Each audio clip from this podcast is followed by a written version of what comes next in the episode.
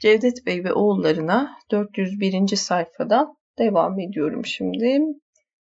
43. bölümde kalmışım. 43. bölümün başlığı devlet. Evet hadi bakalım. Refik alışkanlıkla hizmetçi kadının hatrını sordu. Onu her görüşünde yaptığı gibi Nişantaşı'ndaki evi, Emine Hanım'ı, annesini, Perihan'ı, başka şeyleri hatırladı. Merdivenleri çıkarken yukarıdan gelen kahkahaları duyunca şimdi neşelerini kaçıracağım diye düşündü. Bu eve her gelişinde kendisini neşe kaçıran, insanlarda hüzün uyandıran biri olarak görüyordu. Muhtar Bey'in kendisini başka milletvekilleriyle tanıştırmak için verdiği yemeği hatırladı. Refik tanıştığı milletvekillerine tasarılarını anlatmış, onlar da bu tasarıları çok beğendiklerini söylemişler ama sonra kendileri için asıl değeri olan şeye siyaset dedikodusuna gömülmüşlerdi.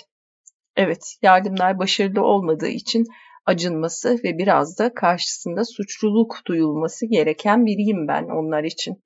Beni görünce işte bu yüzden neşeleri kaçıyor.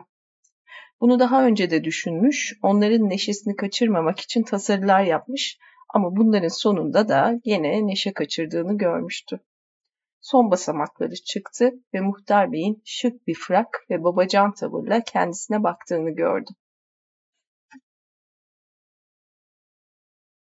İşte sonunda geldi dedi Muhtar Bey. Genç inkılapçı aramızda. Refik'in uzattığı eli sertçe sıktı. Nerede kaldın? Gezdin, gördün değil mi? Her şey nasıl? İyi mi? Peki beni nasıl buldun bakalım? Siz de iyisiniz efendim dedi Refik. Sonra odada alışmadığı bir hava hissederek çevresine baktı. Refet Bey ile Nazlı gülümsüyorlardı. Nazlı'nın yüzünde bir tuhaflık vardı. Ömer de gülüyordu ama odada değil de başka bir yerdeymiş gibiydi. Gördünüz mü beni çakı gibi buldu delikanlı dedi muhtar bey. Hadi sofraya oturalım da bana gördüklerini anlat. Ben ne diye bütün sabah evde oturdum sanki. Sen şuraya geç, sen de böyle. Yemek nerede kaldı? Hatice Hanım, yemek? Hizmetçi eti fırından çıkardığını ama daha soğumadığını, sofraya gelecek gibi olmadığını söyledi. Bunun üzerine muhtar bey bir şişe bir bunun üzerine muhtar bey bir şişe şarap daha getirmesini istedi.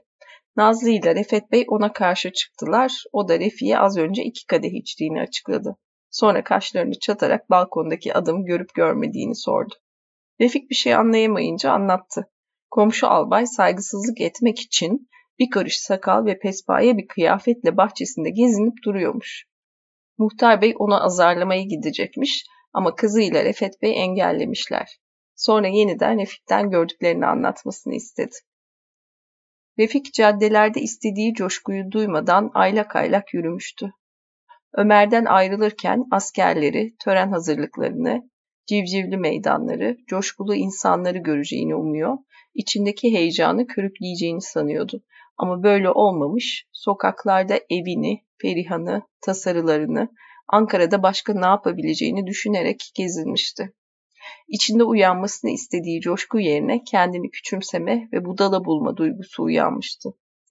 Bu yüzden muhtar beyi sevindirecek bir şeyler anlatmaya kalkıştı ama başarılı olamadı. Sonra muhtar beyin coşkusundan da şüpheye düşerek onda coşkudan çok sabırsızlık ve telaş olduğuna karar verdi.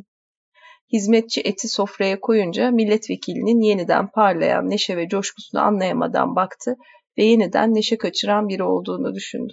Beni görünce hüzünleniyorlar diye mırıldandı. Oysa ben buralara aydınlığı getirmeye karar vermiştim. Milletvekiline yeniden gördüğü bazı şeyleri anlatmaya koyuldu.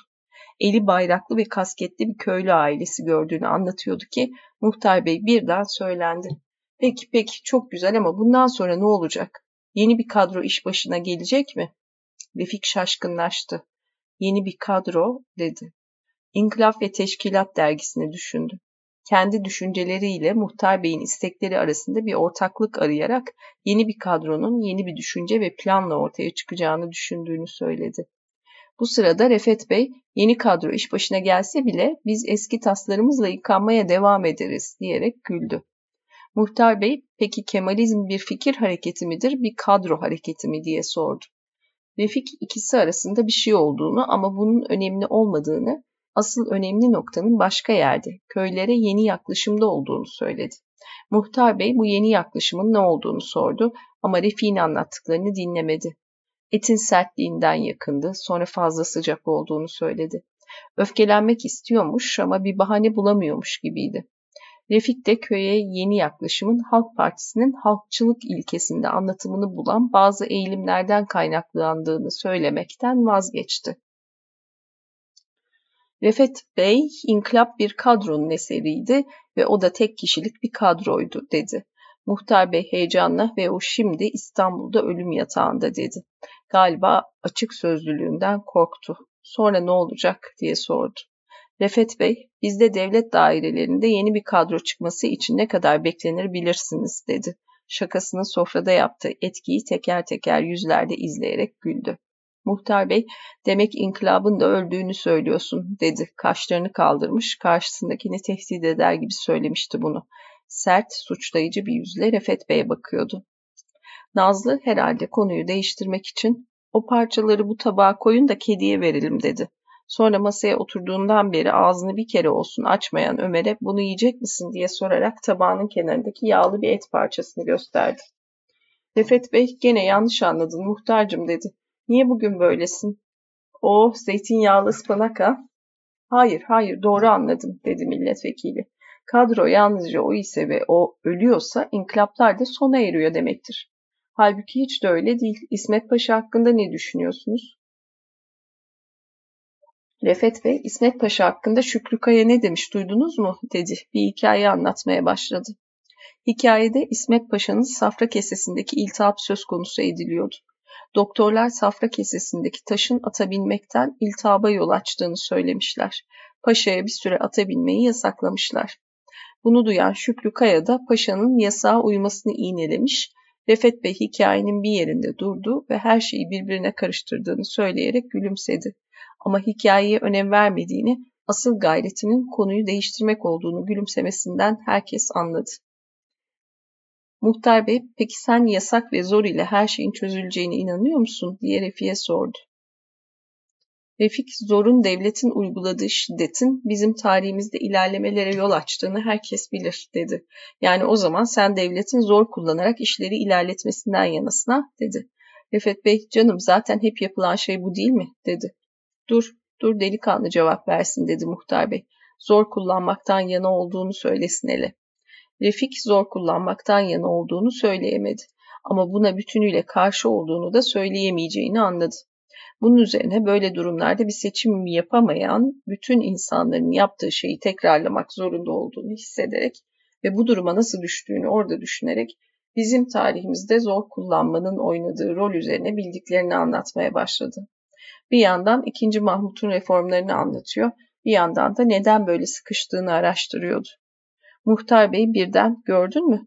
Zor kullanmaya, devletin gücünden yararlanmaya karşı çıkamıyorsun.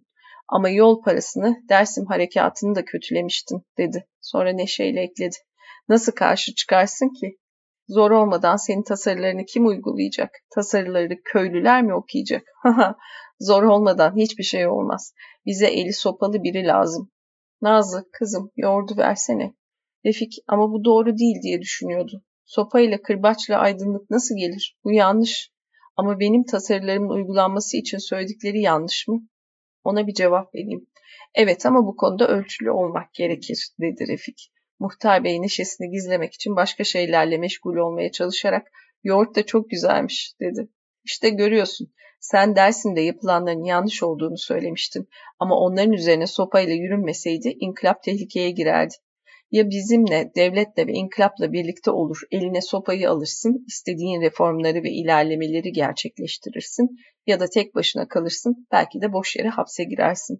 Mesela tekkelerin kapatılması.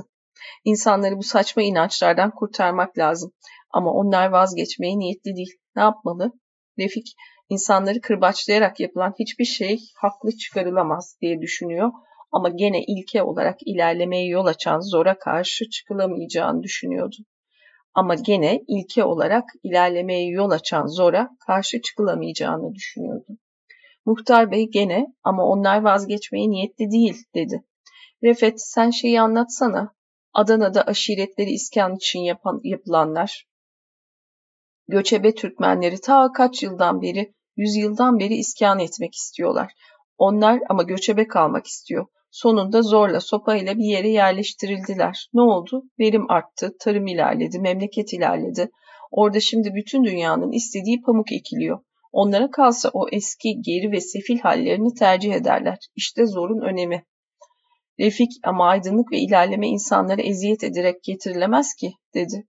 Muhtar Bey, Refik'le şimdiye kadar yaptığı bütün tartışmalarda biriken hıncını almanın keyfiyle, ''Ah oğlum, senin bu kelimelerini anlayamıyorum.'' Dedi, güldü.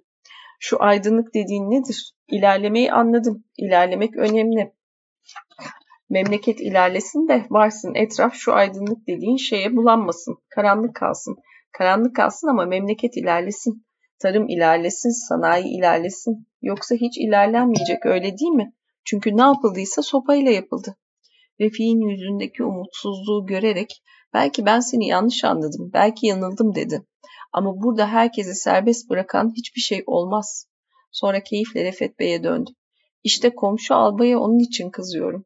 Önemli olan memleketin ilerlemesi. Peki bütün bunları niye söylüyorum? Çünkü bakıyorum herkes muhtar amcanın düşüncelerini yabana atıyormuş gibi. Hiç de öyle değil. İnkılabın tek kişilik kadrosu İstanbul'da belki ölüyor ama bayrağı taşıyacak başkaları var. Refet Bey keyifle bayrağı mı bayrağın sopasını mı muhtarcım dedi ve bir kahkaha attı. Kendisi için en önemli şeyin yaptığı şakalar olduğunu göstermek istiyormuş gibi aynı şeyi bir daha tekrarlayarak bir kahkaha daha attı. Muhtar Bey sen gül, sen gül daha ama unutma ki inkılapçı nesil dimdik ayakta dedi. Meyve tabağıyla içeri giren hizmetçiye bakarak evet dimdik ayaktayız diye tekrarladı. Sonra birden saatine baktı. Aa hala oturuyorum burada ben diye bağırdı. Meclise geç kaldım sonra ne derler? Heyecanla yerinden fırladı, masaya çarptı, sürahiyi devirdi. Nazlı, Nazlı, baba işte yaptınız lekeyi dedi. Muhtar bey koştu üzerine paltosunu geçirdi. Hiç gereği yokken kızını yanağından öptü. Refiye gördün mü işte ben böyleyim diye düşünüyormuş gibi Ömer'e de sertçe baktı. Bir saat sonra geleceğini stadyuma gitmek için herkesin hazır olmasını söyleyerek evden koşa koşa çıktı. Arkasında bir şaşkınlık bıraktı. Refik bu şaşkınlıktan kurtulmak, düşüncelerini bir düzene sokmak için az önceki konuşmayı sürdürmek ihtiyacı duyarak sordu. Peki nasıl olur? Halkı sopalayarak aydınlığa getirmek nasıl olur? Biz eğer bu ülkede aklın ve yeniliğin ışığı parlasın istiyorsak bunu halk için istemiyor muyuz? Kimse karşılık vermediği için bu sefer Refet Bey'in gözünün içine bakarak sordu. Yenilik ve ileri bir toplumun halka zorla benimsetilmesi sizce yanlış değil mi? Halka karşı güç uygulanarak getirilen yenilik belki tarihimizde var ama şimdi bu devletin zor kullanmasından yana olmamızı gerektirmez ki. Refet Bey her zamanki şakalarından birini yapmak için fırsat kollayarak Refik'i dinledi. Sonunda bir şaka yaptı ve güldü. Ama kimse kendisine gülmediği, Refik de nefretle baktığı için kendi düşüncelerine çekildi. Refik Ömer'e de dönerek aynı şeyleri tekrarladı. Ama onun yüzünde Herr Rudolf'la tartıştıkları zamanlarda takındığı alaycı gülümseyişten başka bir şey göremedi. Bunun üzerine içinde şimdiye kadar yaptığı hiçbir tartışmadan sonra uyanmayan bir eziklik uyandı. Bir eziklik uyandı ve muhtar beye vermesi gerekli olan cevapları düşünmeye başladı. Önce ona ben hiçbir zaman halka karşı olan bir görüşü desteklemem diyeceğim diye düşündü. O da bana halka karşı değil halk için ama zorla diyecektir. Ben de o zaman böyle bir şey olmaz ki derim. O da bana keyifle önce tarihi örnekleri sayar, sonra da köy kalkınması tasarılarımı nasıl uygulayacağımı sorar. Ben de meclisin gücüyle derim. O da bana gülerek meclisi halkın seçmediğini söyler. Ben de bozulurum. Peki kim yanılıyor? Kimse. O yalnızca bana halka karşı zor kullanmanın kötü bir şey olmadığını kanıtlamak istiyor. Ben de ona karşı çıkıyorum. Sonuç Herkes kendi düşüncesini söylüyor. O biraz daha haklı gözüküyor. Haklı gözükmesinin nedeni de benim şu tasarılarım. Oysa ben bu tasarıları aydınlık gelsin diye yaptım. Sonra ne olacak? Birazdan Muhtar Bey gelecek, stadyuma gideceğiz. Sonra ben belki Süleyman Ayçeli'yi göreceğim. Sonra İstanbul'a eve döneceğim. Ömer'le Nazlı günlerdir karşılıklı surat ediyorlar. Ben ne yapıyorum? Birden bir şey yapmış olmak için gerinerek esnedi. Pencereden dışarı baktı. Birisiyle bir şeyler konuşmak istedi ama bunu yapamayacağını, herkesin kendi düşüncesine çekildiğini ve kimsenin sessizliği bozmak istemediğini hissetti. Yeniden az önceki düşüncelerine döndü. Ben de ona o zaman meclisi halkın seçmesi gerektiğini söylerim. O da bana halkın kendisine yararlı olanı değil, gözünü boyayanı seçeceğini söyler ki bu da doğru. Şimdi bir serbest seçim yapılsa, ikinci, üçüncü partilere izin verilse bütün hacılar, hocalar, madrabazlar meclise girer. O zaman onların meclise girmesini engelleyecek kanunlar koymalı. Mesela din siyasete alet edilemez. Üniversite bitirmemişler milletvekili olamaz. Sonra tüccarlar ve ağalar meclise giremez. Sonra halkı da iyi insanları seçecek bir şekilde eğitmeli. Başka? Kendi kendine güldü. O zaman ne yapmalı diye söylendi. Muhtar bey haklı değil, ben de haklı sayılmam. Ama ben iyi niyetliyim. Ben bir şeyler yapmak istiyorum. Ne yapmak istiyorum? Her Rudolf'la yaptığı tartışmayı hatırlayarak her Rudolf'la yaptığı tartışmayı hatırlayarak aydınlığı getirmek istiyorum diye mırıldandı. Yeniden aynı düşüncelerin ve belirsiz kelimelerin çemberine girerek dönmeye başladığını fark etti. Bu arada epey vakit geçti, kahvesini içti, aynı düşünce çemberine girerek gene döndü.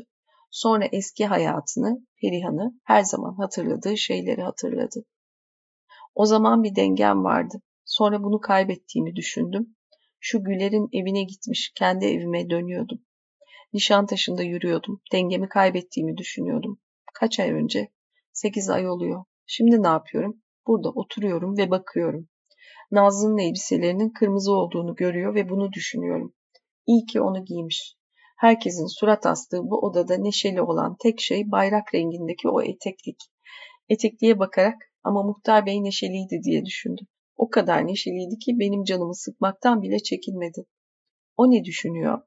O İsmet Paşa'nın başa geçmesini ve kendisine bir görev vermesini istiyor. Belki bakanlık bekliyordur. Niye olmasın? Hoş ve iyi bir adam. Onun yaşında acaba ben nasıl olacağım? Birdenbire esnedi ve ağır bir yemek yediğini düşündü. Babasını hatırladı. Bir süre onu düşündü. Sonra kapının çaldığını fark etti. Vaktin ne kadar çabuk geçtiğini aklından geçirdi. Az sonra içeri giren muhtar bey, hadi hadi çabuk geç kaldık dedi. Bu ne suratsızlık hepinizdeki. Araba aşağıda bekliyor. Koşa koşa arabaya bindiler. Muhtar bey öfkeyle mecliste duyduğu dedikoduyu anlattı. Gene şu Şükrü Kaya bir gazeteciye aydınlar ne düşünüyorlar, sorumluluğa en çok beni layık görüyorlar değil mi demiş. Refet Bey dostunu avutmak için gene bir şaka yaptı. Şükrü Kaya Malta'dayken sürgünün acısını iktidardan çıkarmayı yemin etmiş, sonra yemini kendisi iktidara gelince hatırlamış. Buna nedense herkes güldü. Muhtar Bey de neşelendi ve meclisteki törenle alay etmeye başladı. Nedir canım bütün bunlar? Tebrik ederim, tebrik ederim efendim. Nasılsınız efendim? Teşekkür ederim efendim. Gerçekten birisinin elini sıkıyormuş gibi öne eğilip kalkıyor. Her eğilişte yüzü daha çok kızarıyordu. Sonra birden başını kaldırdı. Ah işte yol tıkandı. Bir bu eksikti. Geç kaldık. Araba durup durup ilerliyor. Her bekleyişte muhtar bey söyleniyordu. Bir süre sonra stadyum gözükünce şoföre parasını verip tamam biz iniyoruz ve yürüyoruz diyerek kapıyı açıp indi. Arkasından gelenlere acele etmelerini söyleyerek büyük adımlarla yürümeye başladı. Şeref locasının girişine yaklaşırlarken başka bir milletvekiliyle ailesini gördü. Derken yüksek rütbeli bir askere selam verdi. Sonra törenin her zamanki gibi geç başlayacağını anlayarak rahatladı. Üzerindeki elbisenin varlığını ilk defa fark ediyormuş gibi dikkatle kendini inceledi. Üstüne başına çeki düzen verir gibi yaptı. Nazlı'nın eteğinin bir köşesini çekerken pantolonundaki lekenin gözüküp gözükmediğini sordu. Sonra Refi'ye dönerek gülümsedi. Gülümseyişi gene ya ya ben böyleyim her şeyde böyle görüyorsun değil mi diyordu. Refik törenden dönünce ona diyeceğim ki diye düşünüyor. Çevresine dikkatle bakıyor ama içinde uyanmasını istediği duygu sabah gezintisinde olduğu gibi gene uyanmıyordu. Tersine gene sabah gezintisinde olduğu gibi kendini küçümsüyor ve budala buluyor. Üstelik çevresindeki şeylere ve insanlara da aynı duyguyla bakıyor. Bu duygudan da korkuyordu. Gördüklerini küçümsememeye, insanların değerli ve akıllı olduklarını düşünmeye çalışarak Arada bir muhtar beye verdiği cevapları kendi kendine mırıldanarak Ömer'le Nazlı'nın arkasından yürüdü. Hep birlikte merdivenleri çıkıp milletvekilleri, bakanlar, diplomatlar ve yüksek rütbeli askerlerle memurlar için ayrılmış tribünlerin öte yanındaki bir salona girdiler. Muhtar Bey'in büfe dediği geniş salonun bir köşesinde çay tezgahı kurulmuştu. Sağda solda küçük masalar, masalarda oturmuş çay ve kahve içen insanlar vardı. Ama asıl kalabalık ayaktaydı. Ayakta dikilen küçük adımlarla topluluklar halinde yürüyen erkeklerin çoğunda Muhtar Bey'deki gibi bir fırak ve bir gülümseyiş vardı. Hepsi birbirleriyle konuşuyorlar, başlarını sallıyorlar, birisine selam veriyorlar, eğer gerekliyse ailelerini tanıştırıyor ya da tanışanların selamlaşmaları ve hatır sormaları için duruyorlar. Sonra dikkatle başkalarını ve başka aileleri süzerek bir şeyler bekleyerek ve yüzlerinden hiç eksilmeyen bir gülümseyişi yeni selamlar için hazır tutarak salonun uğultusuna katılıyorlardı. Muhtar Bey daha törenin başlamasına çok vakit olduğunu öğrenince birer çay içmelerinin doğru olacağını söyledi ve birkaç kişiye gülümseyerek birisi için de özellikle eğilip şapkasını çıkararak çay tezgahına kadar yürüdü. Sonra tezgahtan uzatılan fincanları alırken bir köşede her şeyinden yabancı olduğu anlaşılan bir baba kız göstererek Nazlı'ya döndü. Bak Fransız elçisiyle kızı orada. Başlarında da kimse yok. Hadi gidelim sen konuş. Nazlı aman baba ne konuşacağım ki dedi.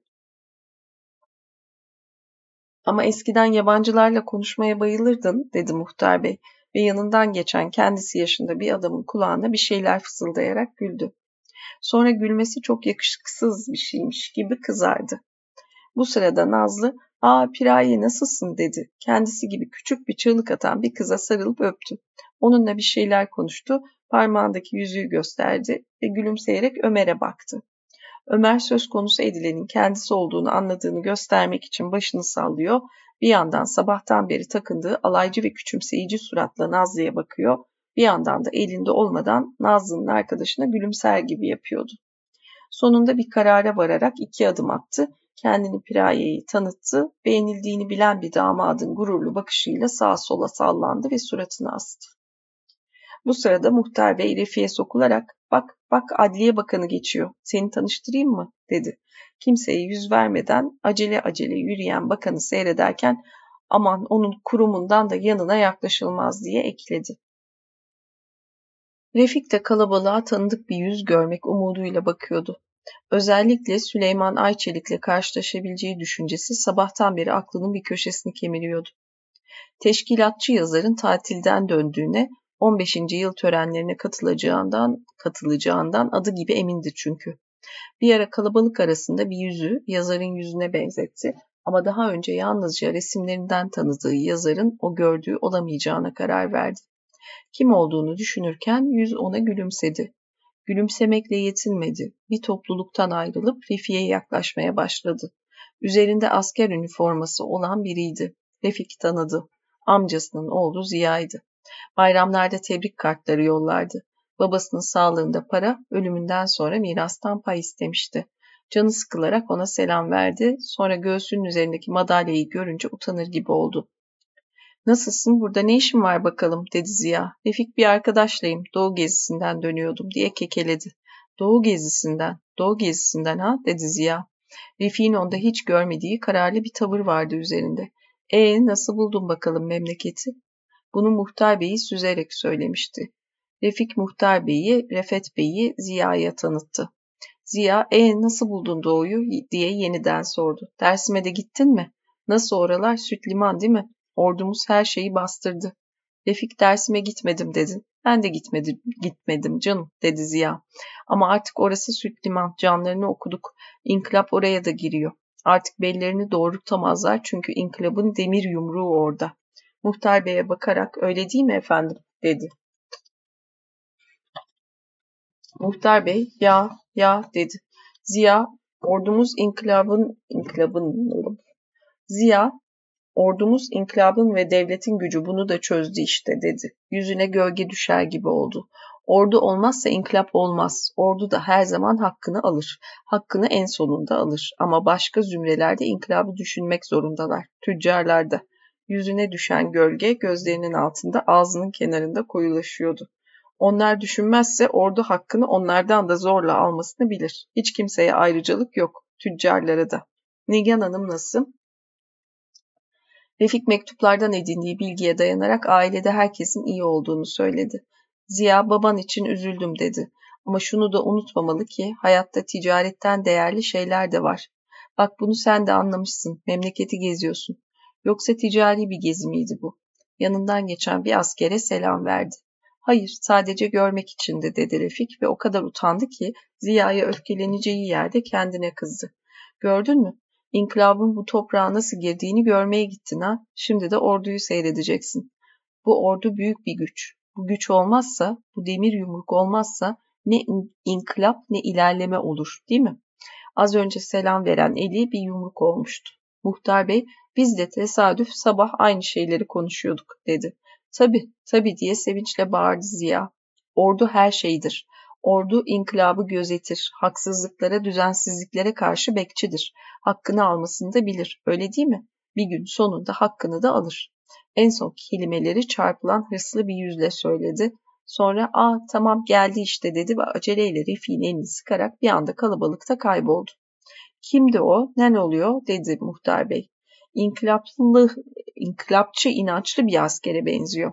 Ey milli mücadelede savaşmış, madalya almış biri. Bizim hımbıl komşu gibi olacak değil ya. Böylelerini görmek beni ne kadar ferahlatıyor bilsen. Memleketin geleceğinden hiç endişelenmiyorum artık. Ha, demin söylediler. İstanbul'da hastanın vaziyeti kötüleşiyormuş. Sahi, geldi işte galiba. Salondaki kalabalık ortasına ateşten bir top düşmüş gibi açıldı, yayıldı. Sonra şeref locasına çıkan merdivenlere doğru esneyerek toplandı. Bir itiş kakış oldu. Bir çay fincanı yere düşüp kırıldı. Refik kalabalığın içinde Başbakan Celal Bayar'ın ensesini ve yanaklarını görür gibi oldu. Her şeyin ortasındaydı. Gözlüklerinin çerçevesini de gördü ama bu sırada bir ayağına bastı. Yaşlı bir milletvekili de ah ben size daha önceden yer kapalım demedim mi dedi. Muhtar Bey eğilerek selam verdi sonra gene karısıyla kızını paylamaya devam etti. Bu sırada Şeref Locası'nın kapısındaki bir görevli efendim lütfen öteki kapıdan burası tamam lütfen öteki kapıdan dedik ya kardeşim lütfen diye bağırdı. Kalabalıkla birlikte öteki kapıya doğru koştular. Sıkışa sıkışa merdivenleri çıktılar. Milletvekili kızının Nazlı Ömer'in elini tutmuştu. Birden Refik Stadyum'un zeminini gördü. Bütün şeref tribünü frak, silindir şapka, madalya, üniforma denizi içinde kıpırdanıyor. Kadınların renkli elbiseleri, küçük şapkaları, oraya buraya asılmış bayraklar tatlı tatlı dalgalanıyor her şey bir uğultu, merak ve bekleyişin içinde titriyordu. Muhtar Bey başını sağa sola uzatıp oturacak yer ararken birkaç kişiyle selamlaştı. Şapkasını birkaç kere çıkarıp çıkarıp yerine koydu. Sonra bir köşede karar kılarak oturanlar arasından oradan oraya doğru yürümeye başladı. Arada bir dönüp kızının ve konuklarının gelip gelmediğine bakıyor. Sonra gene çevresine selam veriyor.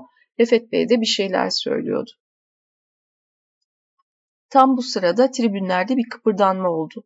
Başlar bir anda aynı noktaya çevrildi. Sonra bir alkış sesi duyuldu. Herkes birbirinin üstünden görmeye çalışarak ayağa kalktı. Alkış daha şiddetlendi. Refik dönüp baktı. Başlar arasında az önce gördüğü enseyi ve yanakları gene gördü. Ensenin üzerinde bir el vardı ve tuttuğu şapkayı ağır ağır insanları teker teker okşuyormuş gibi sallıyordu. El ve şapka hangi tarafa yönelirse o taraftan şiddetli alkış geliyordu. Az sonra herkesle birlikte oturdular ama İstiklal Marşı için yeniden ayağa kalktılar. Refik marş söylenirken gene coşkuya katılamadığını düşündü. Sonra lise yıllarında da herkesle birlikte marş söyleyemediğini hatırladı. Kalabalığa katılamadığını düşünürken Herr Rudolf'u hatırladı. İçime aklın ışığı düşmüş, onun için yabancıyım diye düşündü ama İstiklal Marşı söyleyememesi bundan değildi ki. Peki niye söyleyemiyorum diye düşündü. Çünkü kendi sesimi duyuyorum ve bu çok tuhaf geliyor. Gene Herr Rudolf'u düşündü. Gene onun Hölderlin'in doğuya ilişkin sözlerini hatırladı. Muhtar Bey'le yaptığı tartışmayı aklından geçirdi. Ona diyeceğim ki diye düşündü. Hep bir ağızdan söylenen marşın karşı tribünlerde yankılandığını, seslerin iki saniyelik bir arayla birbirini izlediğini, Bu yüzden müzik dersinde öğrendiği kanona benzeyen bu karışıklığın ortaya çıktığını aklından geçirdi. Sonra saçma bulduğu başka şeyler de düşündü ve marş bitince herkesle birlikte oturdu ve Celal Bayar'ın okuduğu Atatürk'ün nutkunu dinledi. Nutuktan sonra gene bir hareket oldu. Arka sıralardan biri yedi düveli yenen o ölümü de yenecektir diye bağırdı. Herkes dönüp baktı. Bu sırada birisi muhtar bey nasılsınız bakalım dedi. Muhtar bey gösterişli bir selam verdi. Seslenen Kerim Naci Bey'di. Yanında Refik'in şantiyede gördüğü parti müfettişi İhsan Bey vardı. Birlikte Şeref Locası'na doğru yürüyorlardı. Refi'ye ve Ömer'e de selam verdiler. Genç mühendisler de sizle demek dedi Kerim Bey. Muhtar Bey önce evet evet diyerek komurdandı. Sonra birden nasıl anlayamadım efendim dedi. Çünkü stadyumun hemen üstünden korkunç bir gürültüyle uçaklar geçiyordu.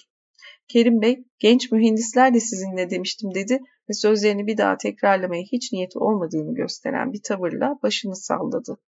Sonra kapaklarının yarı yarıya örttüğü gözlerini bir Ömer'in bir Nazlı'nın üzerinde gezdirerek siz evlendiniz mi diye sordu. Onların cevabını beklemeden babacan bir bakışla başını salladı. Gene her zamanki gibi benim dünyamda, benim yanımda sizlerin, sizin sözlerinizin ne değeri olabilir ki diye düşünüyormuş gibiydi. Kerim Bey uzaklaştıktan sonra Refet Bey bir şaka için fırsat yakalamanın keyfiyle devlet gibi adam. Hem ağa hem müteahhit hem millet milletvekili dedi. Ama muhtar bey onu anlayamadı. Çünkü ikinci bir uçak takımı gene alçaktan korkunç bir gürültüyle geçiyor. Tribünler uçakları alkışlıyor, bazıları da gökyüzüne doğru sesleniyordu. 43. bölüm böyle bitiyor. 44 milletvekilinin umutları.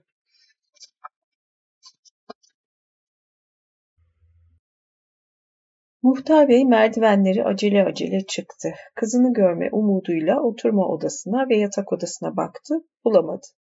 Odasına girdi, kapıyı kapadı, ağlamaya hazırlanan bir küçük çocuk gibi kendini yatağına atıverdi. İşte her şey bitti, şimdi her şey başlıyor diye mırıldandı. Bakalım ne olacak? Odanın beyaz tavanına bakarak ölüm çok kötü, ben de bir hiçim, onun yanında tam bir hiçim diye söylendi. Ağlayacak gibi oldu, yüzünü buruşturdu, utandı. Ne kötü, her şey boş, şimdi ne olacak diye mırıldandı. Herkesin beklediği ve kendini hazırladığı şey olmuş, Atatürk 10 gün önce İstanbul'da ölmüştü. Bugün cenaze etnografya müzesindeki geçici mezarına konulmuş. Bütün Ankara'nın katıldığı bir tören yapılmıştı. Meclisteki törene katılan, burada herkesle birlikte ağlayan muhtar bey gene ağlamaktan korktuğu için şehrin içindeki törene katılmamayı düşünmüştü ama sonra orada bulunmasının doğru olacağını aklından geçirerek caymıştı. Tören gene İstanbul'daki ve meclisteki öteki törenler gibi bir gözyaşı seli içinde geçmiş, böyle dokunaklı sahnelere hiç dayanamayan muhtar bey gene herkesin arasında ağlamıştı. Peki niye ağladım diye düşündü. İki kişilik büyük ve yumuşak yatakta döndü ve aynı şeyi kendine bir daha sordu. Ağladım çünkü çok korkunç bir şeydi. Evet, çok korkunç bir şeydi. Bu kelimelerle birlikte tören sırasında içinde uyanan duygu da aklında canlandı. Gene her şeyin boş, anlamsız ve değersiz olduğunu düşünmeye başladı. Sonra neden bunu düşündüğünü araştırdı. Çünkü arkasından herkesin o kadar ağladığı bir insanın ölümü yanında benim hayatımın hiçbir değeri kalmıyor. Ben o dağın yanında bir karıncayım. Sonra birden içinde sinsi bir alev parladı. Ama ben yaşıyorum. Dünyada ne olup bittiğini görüyorum. Başımdan başka şeyler geçecek. Evet, bundan sonra ne olacak bakalım. Düşüncelerinden utandı ve kendini cezalandırmak için gene Atatürk'ün ölümünü düşünmeye çalıştı. Ama bu ölümü her düşünüşünde yaptığı gibi gene kendi ölümünü ve hayatını düşünmeye başladığını fark ederek sinirlendi. Bu düşüncelerin sıkıntısından ve yanağının ve kulağının altında ısınan yastığın sıcaklığından kurtulmak için yatağında ahlaya poflaya bir kere daha döndü. Bundan sonra ne olacak diye düşündü. Bundan sonra Celal Bey artık çekilir. Celal Bey çekilir ve İsmet Paşa'ya inananlar göreve gelir. Acaba bu ne zaman olacak? Muhtar Bey Atatürk'ün ölümünden hemen sonra bu işin olacağını düşünmüş ama biraz yanılmıştı. Kimse memlekette büyük değişiklikler olacağı görüntüsü yaratılmasına cesaret edememiş, böylece Celal Bey'in eski hükümeti beş gün önce mecliste güven oyu almıştı. Bu en azından bir iki ay için eski hükümetin görevde kalacağını gösteriyordu. Muhtar Bey memleketi telaşlandırmamak için çöpe atılan iki ay diye düşündü. Oysa memleketin bir an önce yeniliğe, yeni kadrolara ihtiyacı var. Yeni kadrolar da görev için sabırsızlanıyor. Umut ve heyecanla ben de sabırsızlanıyorum diye mırıldandı. Kendine gülecekti ki vazgeçti. Bunda gülünç ne var? Sabırla bekledim, çalıştım. Görev yüklenecek kadar bilgim, tecrübem ve cesaretim var. Sonra kararlılıkla bir yolda yürümesini de bildim. Neyim eksik ki bu isteğimi gülünç bulayım? Başını heyecanla yastıktan kaldırdı. Allah için kimden eksiğim var ki? Tevfik'ten mi? Faik'ten mi? Eski bakanlar ve bakan olabilecek kimseleri tek tek aklından geçirerek her isimden sonra kendi üstünlüğünü sevinçle karşılayıp elinin parmaklarını bükerek sayıyordu. Muhlis'ten mi, Doktor Hulusi'den mi, yarım yamalak Fransızca bilen Sacit'ten mi? Hiçbirinden eksiğim yok hamdolsun. Üstelik onlardan daha cesur ve kararlıyım ve evet bir yolda tutarlılıkla yürümeyi de başardım. Bu yolda ne kadar tutarlılıkla yürüdüğünü, İsmet Paşa'ya ne kadar bağlandığını aklından geçirince daha da heyecanlandı. Hatırlanacağına, mutlaka yeni hükümette göreve çağrılacağına inanarak peki ne zaman Celal Bey'in görevine son verilecek diye söylendi. Şu hükümetin de memleketi oyalamaktan başka bir işi yok. Altın değerindeki günler teker teker geçiyor. Yazık, yazık. Mutlaka hatırlanacağına bir daha inanarak başını yastığa dayadı. Evet, İsmet Paşa yeni hükümet kurulurken onu mutlaka hatırlayacak. Bütün siyasi hayatı boyunca kendisine bağlanan Muhtar Leçin'i yeni başbakana tavsiye edecekti.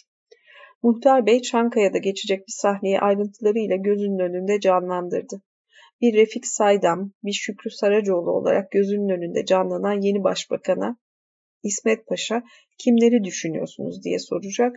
Sonra cevabı beklemeden kendisi hemen söyleyecekti. Muhtar Laçın Bey'i düşündünüz mü? Muhtar Bey odanın tabanına heyecanla bakarken evet, evet Laçin diye mırıldandı.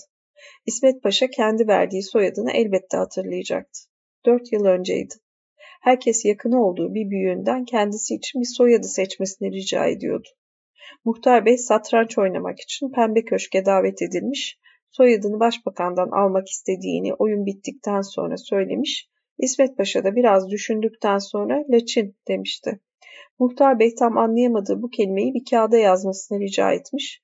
Sonra paşanın imzasını taşıyan ve yıllardır sakladığı bu kağıdın üzerindeki titrek yazıdan soyadının ne olduğunu anlamış pek fazla bir anlamı olmayan bu kelimenin kendi kişiliğini hatırlatan sakin bir sesi olduğuna da karar vermişti.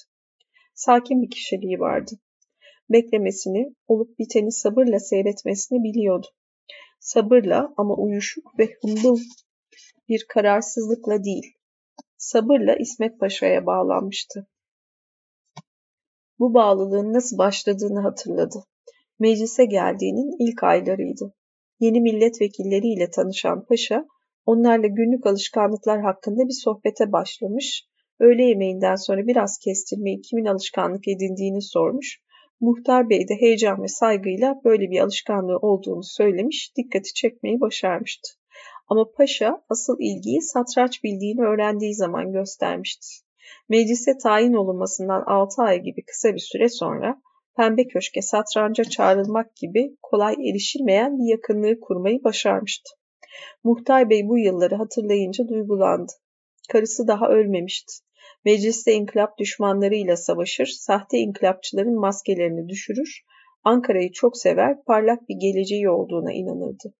Umutla işte şimdi sabrımın ve heyecanımın meyvesi olan o gelecek bir adım önümde diye mırıldandı. Bütün hayatımı yönelttiğim hedefe bir adım kaldı. Köşelerinde parlak pirinç topuzlar olan yatağında gene heyecanla döndü. Bir adımcık diye mırıldandı. Bir adım atılacak, sonra bütün hayatı yalnız geleceği değil, geçmişi de yepyeni bir boyut kazanacaktı. Gençliğinin yenilik ve ilerilik heyecanı, orta yaşın kararlılığı, olgunluğun büyük görevleriyle tat, taçlandırılacaktı. İnsan böyle bir görevden başka ne ile hayatına bir derinlik verebilir ki? Muhtar Bey sıkıntıyla hele benim gibi biri ise o insan diye mırıldandı. Hiçbir zaman kendini renkli, çok yönlü biri olarak görmemişti. Hayattan kendisi gibi olanların çoğunun aldığı zevki de almamıştı. Karısı öldükten sonra İstanbul'da içkili bir eğlence gecesinde tanıdığı bir kadından başka kadın tanımamış, yaşlı gövdesinin isteklerini biraz kararsızlığından, biraz da uyuşukluğundan bastırmıştı. Gene benzerleri gibi bir salon adamı da olamamıştı. Böyle yerlerde hep kenarda kaldığını, değil girdiği salonu oturduğu koltuğu bile dolduramadığını düşünürdü. Üstelik boş gevezeliklerden de hoşlanmazdı. Gerçi kendisini de sık sık boş gevezelik ederken yakalardı. Özellikle valiliği sırasında çevresinde yerleşen ilgi ve hayranlık çemberinin parlaklığına kendisini kaptırdığı çok olmuştu. Ama Ankara'ya gelince gevezelik etmenin kişiliğinin hakim bir çizgisi olmadığını anlamıştı. İçkiden de tat almazdı. Niteliklerini teker teker sayarken heyecanlandı. Hatıra kitaplarından başka hiçbir kitapla da oyalanamam diye düşündü. O zaman hayatıma derinlik verecek bu beklediğim görevden başka bir şey bulamam.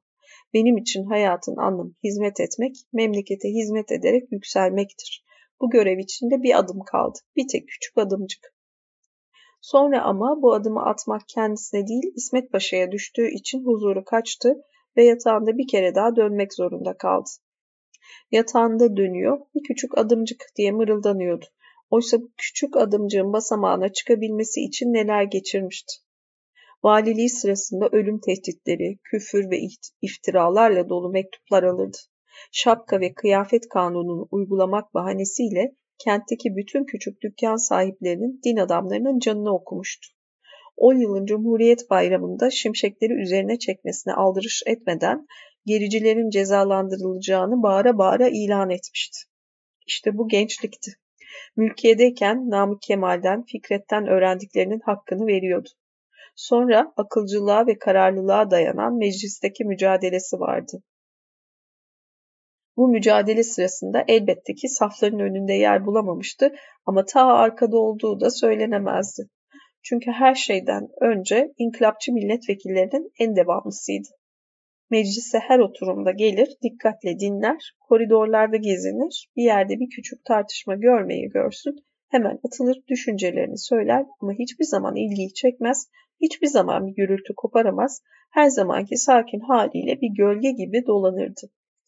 Bu kadar ortalıkta görünmesinin nedeni görevine bağlılığı kadar hiç şüphesiz milletvekilliliğinden başka işi olmamasıydı. Bakanlık yapan ya da partide görevleri olanların dışındaki milletvekillerinin çoğunun bir ikinci işi vardı. Kimi gazeteciydi, kimi avukattı, kimi de toprak ağasıydı. Zaten bunlar bu işlerinde gösterdikleri başarıdan dolayı milletvekili tayin edilmişlerdi. Başarılı valiliği ve inkılapçılığından dolayı milletvekili tayin edilen Muhtar Bey'in ise meclis dışında başka bir işi olamazdı. Çünkü insan hem milletvekili hem gazeteci olabilirdi ama hem milletvekili hem vali olmaya kurallar izin vermiyordu. Birden Muhtar Bey ama hem milletvekili hem inkılapçı olmaya kurallar izin veriyor ve ben böyleyim diye düşündü ve heyecanla yatağından kalkıp odasının içinde yürümeye başladı. Yürürken gene aynı şeyi mırıldanıyordu. Bir küçük adımcık, bir küçük adımcık atsa İsmet Paşa. Bir küçük, bir küçük adımcığıyla hayatını taçlandıracak olan İsmet Paşa için neler yaptığını aklından geçirmeye başladı. Başbakanlığı sırasında onu bütün varlığıyla desteklemişti. Başbakanlıktan ayrılınca onun meclisteki sesi ve kulağı olmuştu. Kulislerde hep İsmet Paşa'yı anar, her fırsatta onu över, Pembe Köşk'ü ziyaret ettiği zaman ona koridor dedikodularını özetlerdi. Gözden düştükten, başbakanlıktan çekildikten sonra İngilizcesini ilerleten, bir hocayla baştan sona bütün İngiliz tarihini okuyan, sonra keman dersleri alan, satranç dergileri okuyan paşa, onun heyecanını hayretle karşılıyormuş gibi yapar, arada birkaç övgü sözüyle gönlünü alırdı. Bir keresinde her zaman olduğu gibi gene zaferle bitirdiği bir satranç partisinden sonra paşa ona sizin savunmanız iyi lakin hücum vakti gelince bekliyor fırsatı kaçırıyorsunuz demişti. Muhtar bey fırsatı kaçırıyorum ha diye mırıldandı. Yok yok bu sefer İsmet Paşa beni hatırlayacak. Görev verdirtecek. Benim kendisine ne kadar bağlı olduğumu hatırlayacak. Birden utanarak bu mu benim marifetim, bağlılık mı diye mırıldandı ama utançtan korktuğu için kötü bir şey değil ki bu diyerek kendini yatıştırdı. Çok zeki biri olmadığımı kabul ederim. Dünyanın en zeki insanı değilim. Benim gibi insanlar zekalarıyla değil, bağlılık ve inançlarıyla yükselirler. Üstelik bizim memlekette dik başlı olmak, kendi kendine karar vermek hoş bir şey değildir ki. İnsan her zaman daha iyi bilen, daha iyi düşünen birine kendini emanet etmeli, birisine bağlanmalı, bir inancı benimsemeli. Evet, bağlılık ve inanç. İsmet Paşa'ya bağlandım. İnkılaba inandım.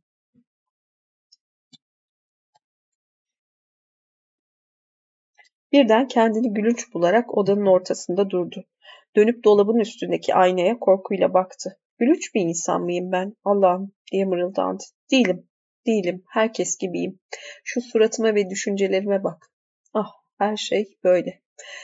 Cenaze törenini hatırladı. Her şey böyle boş, gülünç, anlamsız. Onun yanında her şey boş ve anlamsız. Herkes nasıl ağlıyordu? Bense burada çirkin hesaplar yapıyorum. Başkaları benim iğrenç düşüncelerimi öğrenseler ne derler? Saçma. Peki hayatta yapılması gereken nedir? Şu aynaya bak. Gövdem kocaman ama burnum küçücük. Kim demiş onu? Kamil Paşa mı? Haşmetli bir devlet adamının ilk meziyeti haşmetli bir burundur.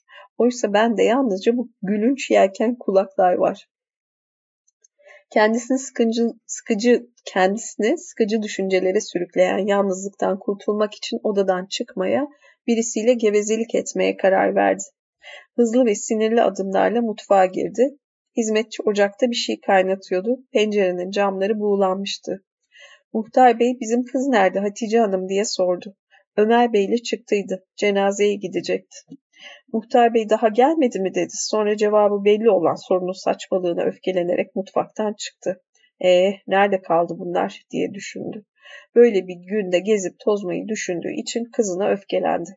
Sev, büyüt, başının tacı et, sonra gitsin o züppe kendini beğenmiş para delisi herifi seçip beğensin. Of hiç sevmiyormuş Ömer'i. Duvardaki Venedik manzarasına bakıyordu. Bu resmi kendisi almış, rahmetli karısı pek beğenmemiş ama duvara da asmışlardı. Karısını hatırlayınca hüzünlendi. Bir tek onu sevmiştim. O da bütün hayatım boyunca hafif hafif güldü bana, sonra aldı başını gitti. Şimdi de Nazlı beni bırakıp gidecek. Üstelik o sevimsiz kendini beğenmiş herifle. Bari başka birini bulaydı. Refi'yi hatırladı. Evet, mesela o. Bütün saflığına rağmen iyi niyetli ve temiz ruhlu biri. Refik'le yaptığı tartışmaları hatırlayınca güldü. Ama fazla saf. İnsan ideal, ide, idealist olur. Hatta böyle olmak gerekir ama bu kadarı da fazla. Tarım Bakanlığı'nın Refik'in kitabını yayımlamaya karar verdiği aklına gelince sevindi. Bakan galiba İsmet Paşa taraftarlarıyla iyi geçinmek için Muhtar Bey'in getirdiği delikanlının işini görmüştür. Refik bugünlerde şu teşkilatçı yazar Süleyman Ayçelik'le görüşecek, galiba sonra İstanbul'a dönecekti. Süleyman Ayçelik ve Teşkilat dergisi aklına gelince Muhtar Bey'in canı sıkıldı. Hayalperestlerden hoşlanmıyorum diye mırıldandı. Belki ben de şu görev, görev umuduyla yanıp tutuşurken hayalperestlik ediyorum. Ben boş umutlar besleyen zavallı bir hayalperestim. Hele o cenazenin yanında hiçbir şeyim. Ölüm korkunç. Yaşıyorsun, uğraşıyorsun, bir şeyler yapıyorsun. Memleketin ve tarihin en büyük adamlarından biri oluyorsun. Sonra birden bitiveriyor. Ellerini iki yana açtı. Ölüm çok kötü. Ben de bir küçük karıncayım. Hele onun ölümünden sonra. Ah, konuşacak, dertleşecek kimse de yok. Birden aklına Hatice Hanım'la dertleşebileceği geldi. Umutla mutfağa yürüdü. Hizmetçi hala aynı tencereyle uğraşıyor. Elindeki kaşıkla kaynayan şeyin kıvamına bakıyordu. Muhtar bey, e ne kaynatıyorsun bakalım Hatice Hanım dedi. Hizmetçi sert bir sesle, dün sütlaç istediydiniz ya dedi. Aa sahi sütlaç değil mi? Aman iyi pişir de dibi tutmasın. Hizmetçi gene aynı sert sesle, beyefendi size ne zaman dibi tutmuş sütlaç yedirdim dedi. Canım şaka ettim dedi muhtar bey bir şey yapmış olmak için buzdolabını açıp karıştırmaya başladı. Dolaptaki tabaklardan birini görünce kederlendi. Karısının ölümünden üç ay önce almayı akıl ettiği bu tabak takımı evde tartışmalara yol açmıştı. Muhtar Bey başka şeylere, koltuklara, salonun eşyalarına, giyeceğe masraf edilmesinin daha doğru olduğunu söylerdi. Tekrar, Muhtar Bey başka şeylere, koltuklara, salonun eşyalarına, giyeceğe masraf edilmesinin daha doğru olduğunu söylerdi. Şimdi bütün bu tartışmaların saçma ve boş olduğu ortaya çıkmıştı. Ah ah hayat, ölüm, her şey boş ve saçma diye mırıldandı. Buzdolabını karıştırdı. Bir zeytinden başka hiçbir şeyi içi çekmedi. Zeytini yedikten sonra da susadı. Suyu içerken hizmetçiyle nasıl sohbet edebileceğini düşündü. Kadının hızlı hızlı tencereyi karıştıran kaşıklı eline bakarak demek hep böyle karıştırmak lazım dedi. Hizmetçi gene asık bir suratla evet karıştırmak lazım dedi. Çok karıştırılırsa tadı kaçmaz mı? Sonunda şey olur, kıvamını bulmaz. Hizmetçi cevap olarak kaynayan sütlacın içinden çıkardığı kaşığı tencerenin kenarına sert sert vurdu. Yani ayağımın altında dolaşma tepkisi bu. Sonra tencerenin kapağını gene aynı sinirle sert hareketlerle kapadı. Muhtar Bey pencerenin kenarına gitti.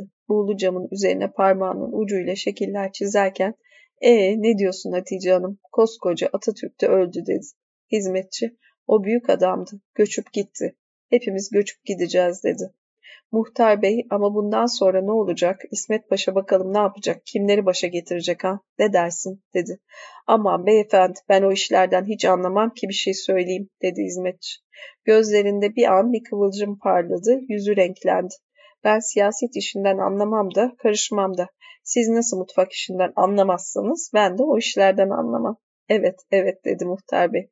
Hizmetçisinin öfkesini sevimli buldu. Mutfaktan çıktı. Salona girerken bütün sıkıntılarını unuttu. Hayatının değersiz olup olmaması da önemsiz gözüktü. Önemli olan yaşamam diye mırıldandı. Yaşıyorum, gülüyorum, konuşuyorum. Neşeyle bana verilecek görevi bekliyorum. Mutfakta sütlaç kaynıyor. İşte bu. İşte bu. Evet.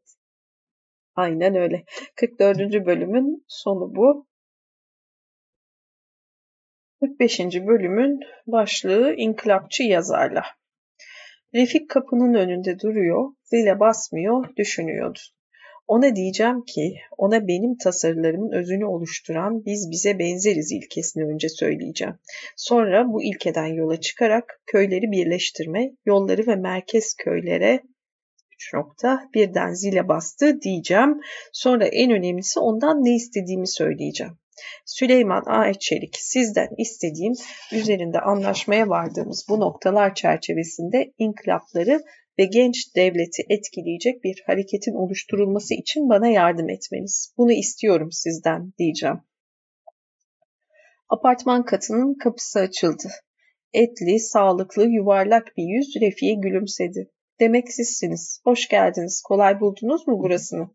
Evet hele evet kolay buldum efendim diye Refik mırıldandı ve bundan sonra teşkilatçı yazarı hep efendim demek zorunda kalacağını düşündü. Paltonuzu verin bakayım dedi Süleyman Ayçelik. Oo üşümüşsünüz. Çay var yeni demledim. Koridorun ucundaki odaya geçin ben geliyorum. Yüzünüzün böyle olacağını hiç düşünmemiştim. Hay Allah bir tane askı bırakmamışlar burada. Birlikte kitaplarla dolu, geniş ama alçak tavanlı bir odaya girdiler. Refik heyecanlandığını düşündü. Masanın üzerindeki kitapları inceledi. Gösterilen yere bir yazı masasının kenarındaki koltuğa oturdu.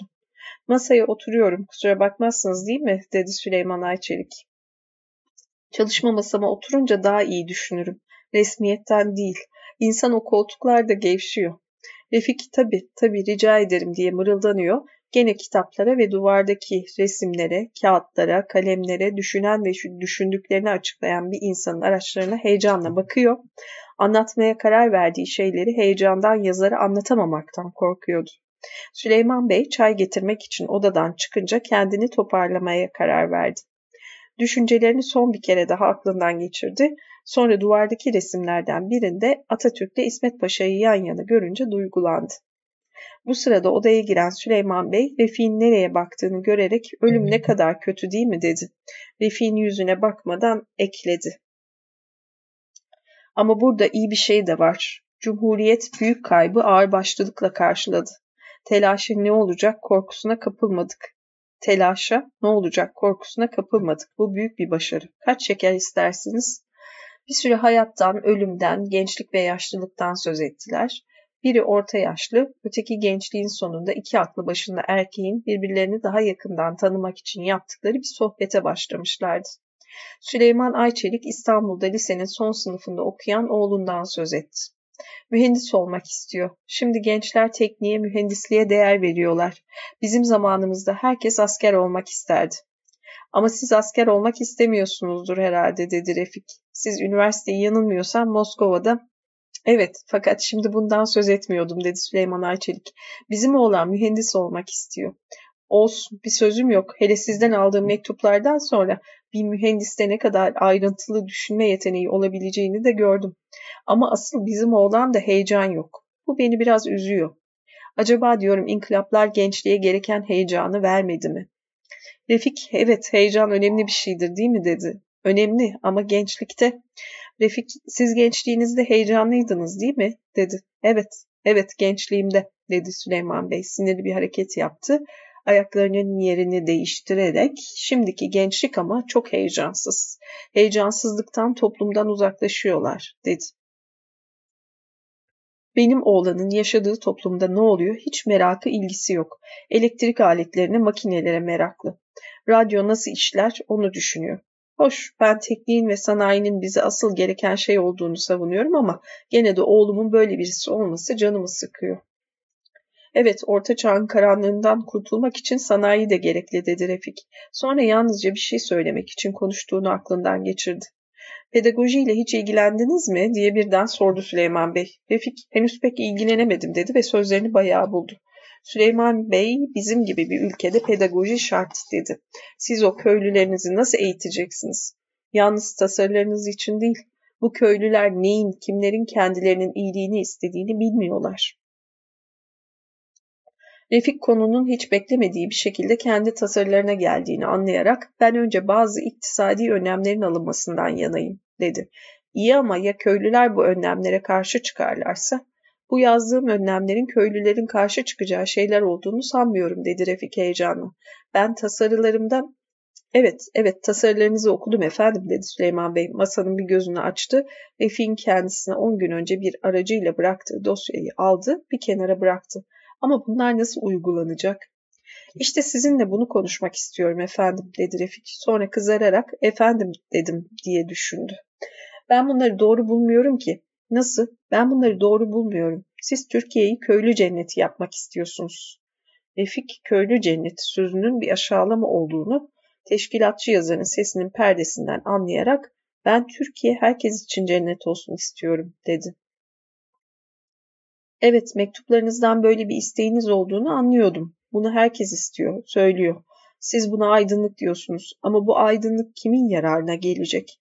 Köylülerin, halkın, fakir fukaranın mı? Güzel.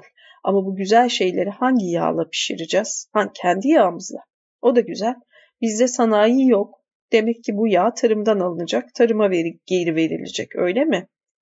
Bir bakıma ama burada inkılabın görevi bu düzenlemeyi yapmaktır. Köylüleri yeni ilkeler ışığında birleştirmek. Demek tarıma geri vereceğiz ya diye Süleyman Bey Refik'in sözünü kesti. Eskiden yapılanlardan bir farkı yok ki bunun. Oysa amacımız bu yağla sanayi kurmak olmalıydı. Benim ileri teknikli, çelişkisiz bir millet görüşümü düşünmemişsiniz. Oysa bunu mektuplarınızda düşündüğünüzü söylüyordunuz. Düşünüyordum dedi Refik heyecanla. Düşünüyorsanız oradaki amacın sermayedarlarımızın bulamadığı sermayeyi devletin bulup bir sanayi yaratması olduğunu görmeniz gerekirdi. Devletçilik ilkesini siz yoksa başka türlü mü anlıyorsunuz? Ben de öyle anlıyorum dedi Refik. Sonra neyi nasıl anladığının önemli olmadığını, önemli olanın memlekete aydınlık getirecek şu tasarılarının uygulanması olduğunu düşündü. Ben ona şu tasarılarımın uygulanması gerektiğini anlatmalıyım diye mırıldandı.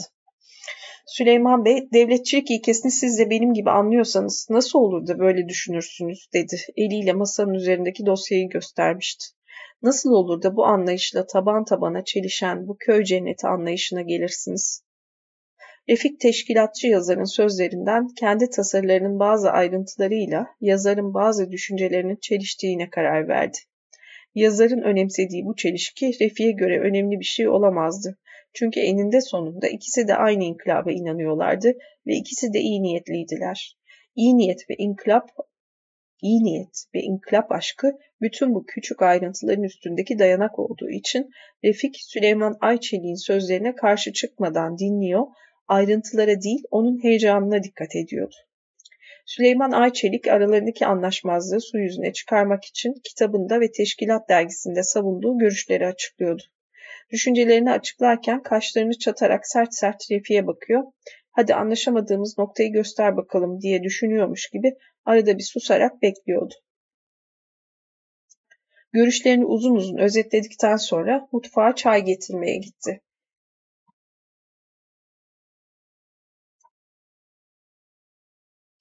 Refik onun görüşlerini düşünmedi bile çünkü bunlar birkaç kere duyduğu, doğru bulduğu şeylerdi. Süleyman Ayçelik anlatırken Refik yalnızca onun hareketlerine, heyecanına dikkat etmiş. Evet, aydınlık gelecek diye mırıldanmış.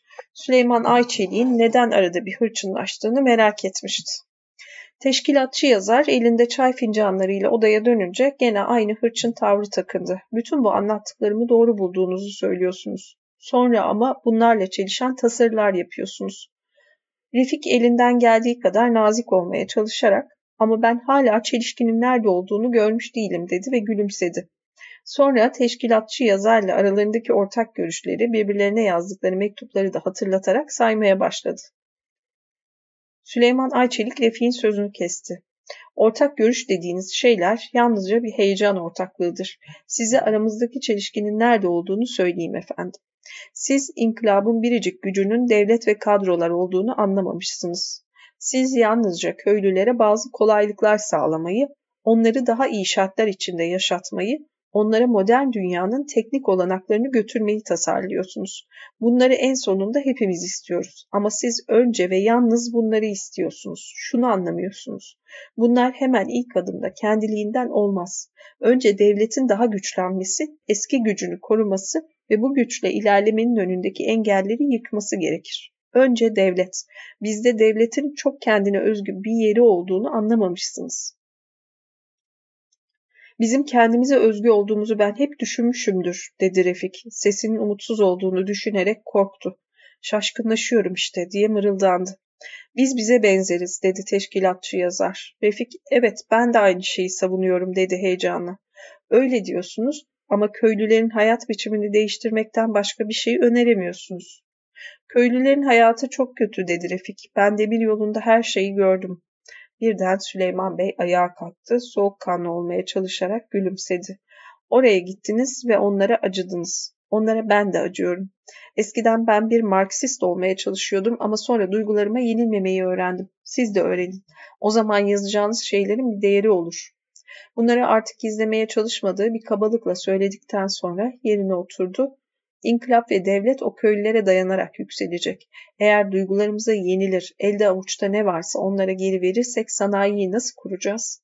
Sanayiyi kuramazsak çünkü emperyalizm sanayiyi kuramazsak çünkü emperyalizm bizi yutacak. Refik, evet çok kötü olur sanayi olmazsa dedi ve kendini iyice budala buldu. Hem bunu söylüyorsunuz hem de ötekini. İkisi birlikte olmaz. İlk önce yapılacak şey bir devlet sanayi kurmak. Bu hareket başlamıştı, durduruldu. Şimdi İsmet Paşa ne yapacak bilmiyorum ama bir devlet sanayi şart. Bunu da tarımdan yani sizin acıdığınız köylülerden sağlayacağız. Bari köylülerin üzerindeki ağ baskısı kaldırılsaydı diye söylendi Refik. Kendini bir daha budala buldu. Süleyman Ayçelik gülümsedi. Bunu inkılabın yapamayacağını biliyorsunuz. Bunu Bolşevikler yapmak ister ama onlara Türkiye'de hiç söz düşmüyor. Arkalarında kimse yok. O zaman onlar da en derin eleştiriyi yapıyorlar. Eski yoldaşlarına acıyormuş gibi gülümsedi. Sonra gene birden bir şey sinirlenerek idealizm iyi şeydir ama bana kalırsa hayatta elle tutulur bir şey yapmak daha iyi bir şeydir dedi. Öfkeli bir tavırla nereden geldik buraya diye sordu. Evet, inkılap ağlara dokunamaz. İnkılap bunu yapamasa diye mırıldandı Refik ama inkılap gene de bir şeyler yaptı dedi Süleyman Bey. Tarımın vergilenmesinden vazgeçildi, askerlikte eşitlik getirildi, bir yol parası vardı onu da iki yıl önce kaldırdık. O yol parası korkunç bir angaryaymış. Şunu biliyorsunuz herhalde. Yol parasını veremiyorlar. Sonra biliyorum efendim. Her şeyi biliyorum. İsterseniz dersimi de anlatın. Onu da biliyorum diye öfkeyle araya girdi teşkilatçı yazar.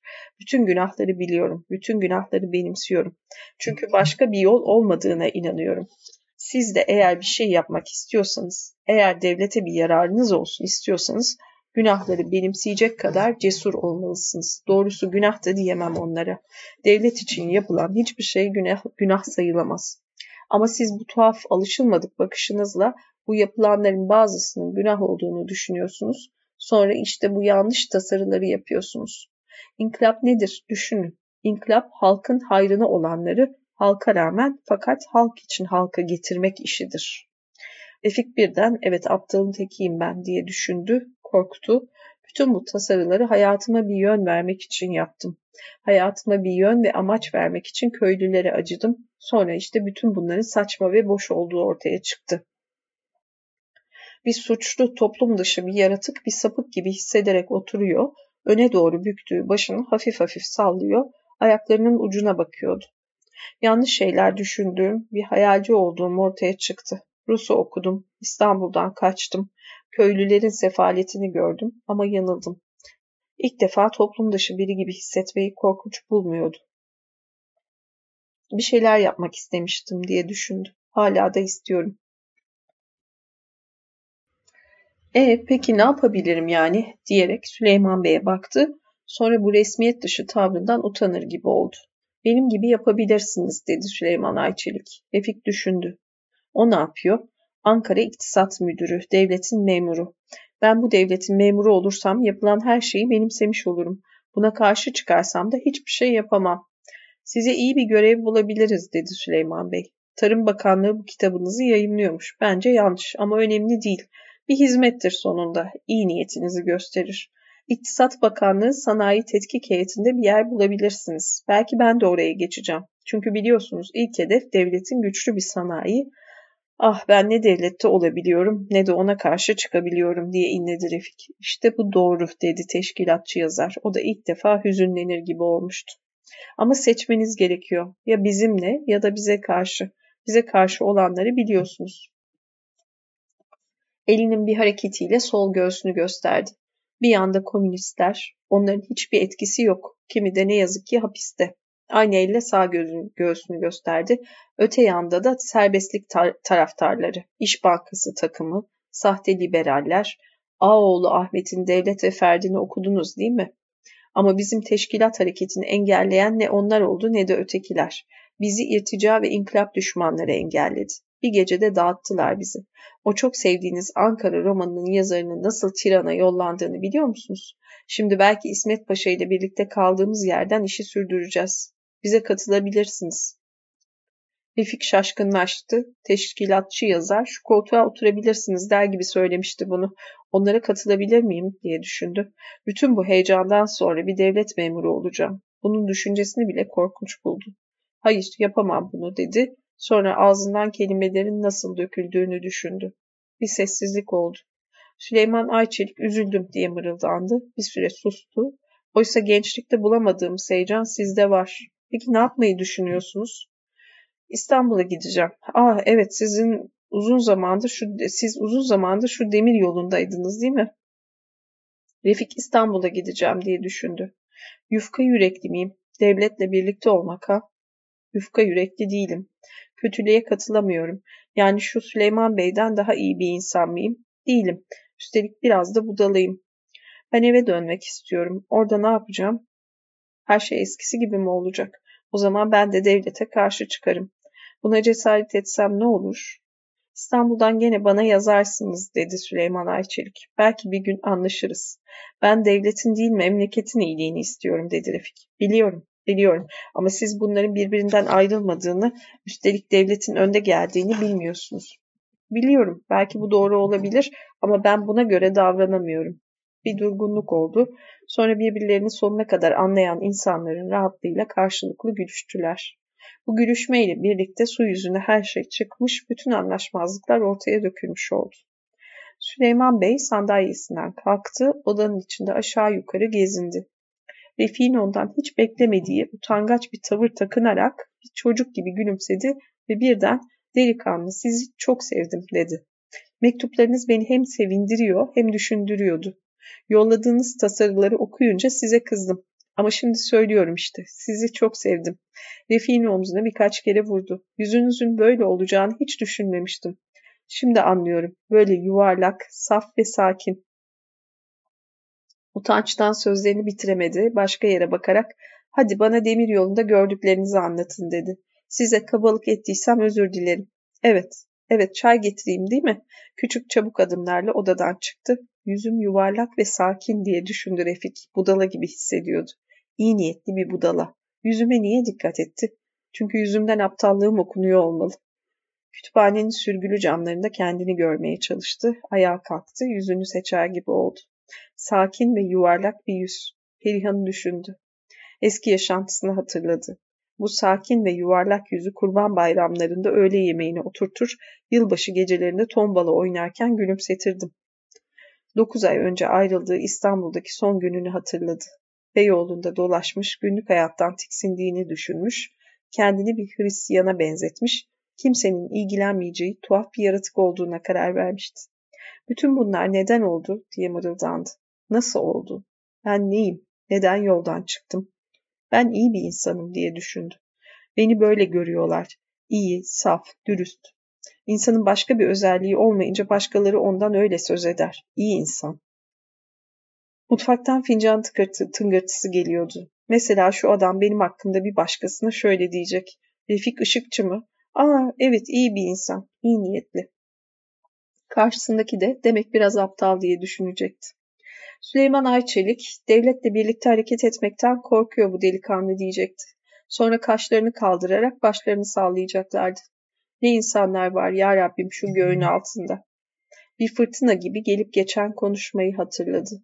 İlk önce bir şey anlayamamış, aptal aptal gülümsemişti. Oysa daha önce anlayabilirdi. Birden anlamıştım zaten diye düşündü. Bu Ziya'yı görünce, Tarım Bakanı'nı görünce, yok yok Kerim Bey'i görünce anlamıştım. Her Rudolf'u hatırladı. Şeytan girmiş bir kere içime. Ben de bu memlekette yabancıyım. Ama bu sefer bu toplum dışı suçlu bilinçten keyif alıyor, sigara gibi hafif içine çekerek damarlarında onu dolaştırıyordu. Demek hiçbir şey benim iyi niyetime, istemime ve seçmeme bağlı değil. Dışarıda kalmaya mahkumdum.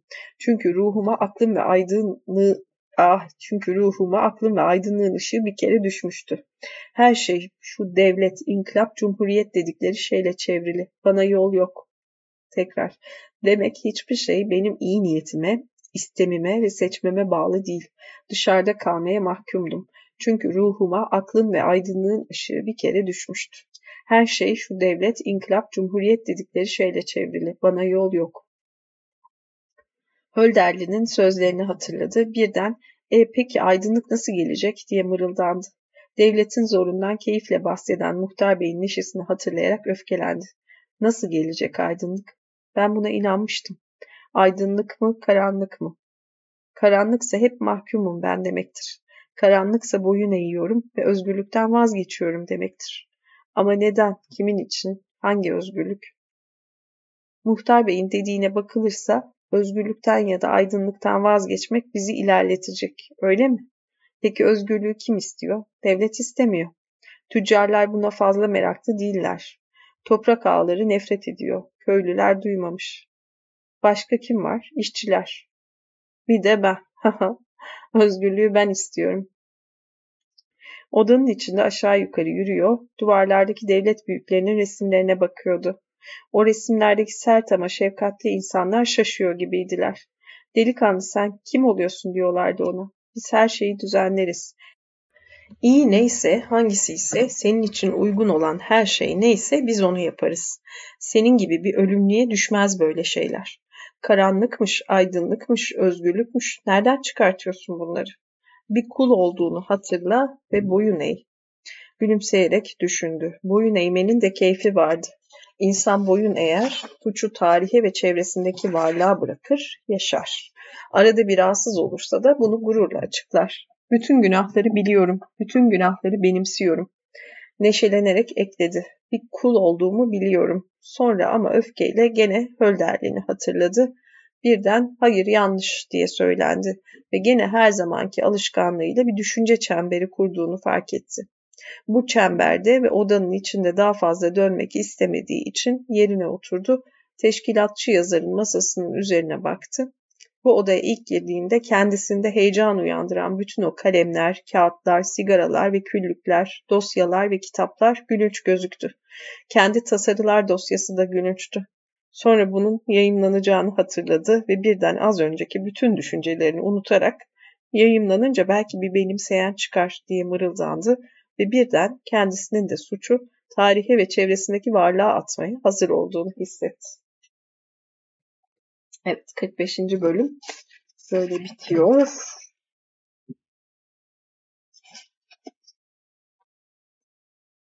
Çok önemli tespitler tabii bunlar. Okurken altını çize çize devam ediyorum. Söylenecek bir şey yok. Çok net ifade ediyor herkes düşüncesini. Çünkü üstüne yapılacak yorum yok. 46. bölümün başlığı Türkçüler arasında. Ha Muhittin'e gidiyoruz. Hadi bakalım Muhittin ne yapıyor?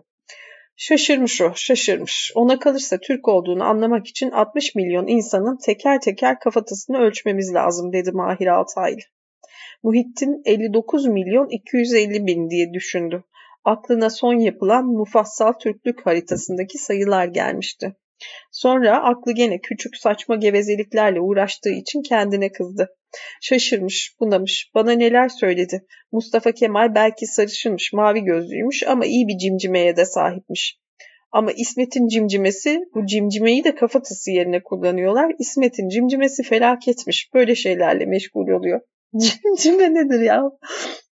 Muhittin böyle bir şeye daha önceden hiç dikkat etmediğini düşünerek şaşırdı. İsmet'in kafatası önceden belki iyiymiş ama yandan sanki yumrukla içeri çökertilmiş gibiymiş. Bana bunları ayrıntılarıyla anlatmaya kalktı. Biraz yaşına ve tecrübesine duyduğum saygı gereği dinledim ama sonra ona karşı çıktım. Düşüncelerimi ırkçılığın, milliyetçiliğin kafatasçılık esasına dayandırılamayacağını söyledim. Ona Rassen psikoloji kavramından söz ettim. Bunu benimsediğimizi, ırki ruhiyatı buna karşılık olarak aldığımızı anlattım. Beni dinlemedi bile. Beni ve benim gibi düşünenleri tecrübesizlikle, toylukla suçladı. Açıkça suçladı mı bizi diye sordu Serhat Güloğlu. Dergiyi beğenmediğini söyledi. Türk urukçuluğunu yanlış düşüncelerle bulandırdığımızı söyledi. Ben de ona bu durumda artık birlikte olamayacağımızı söyledim. Serhat evet artık birlikte olmak taviz vermek demektir diye atıldı ama kimse fazla heyecanlanmadı. Ben birlikte olamayacağımızı söyleyince tecrübeli, çok görmüş, kendini beğenen ihtiyarların takındığı o küçümseyici tavırla zaten hiçbir zaman birlikte olmadığımızı söyledi. Doğrusu onun tecrübesine, Türkçülük davasına yaptığı hizmetlere her zaman saygımız var. Bunu kabul ediyoruz.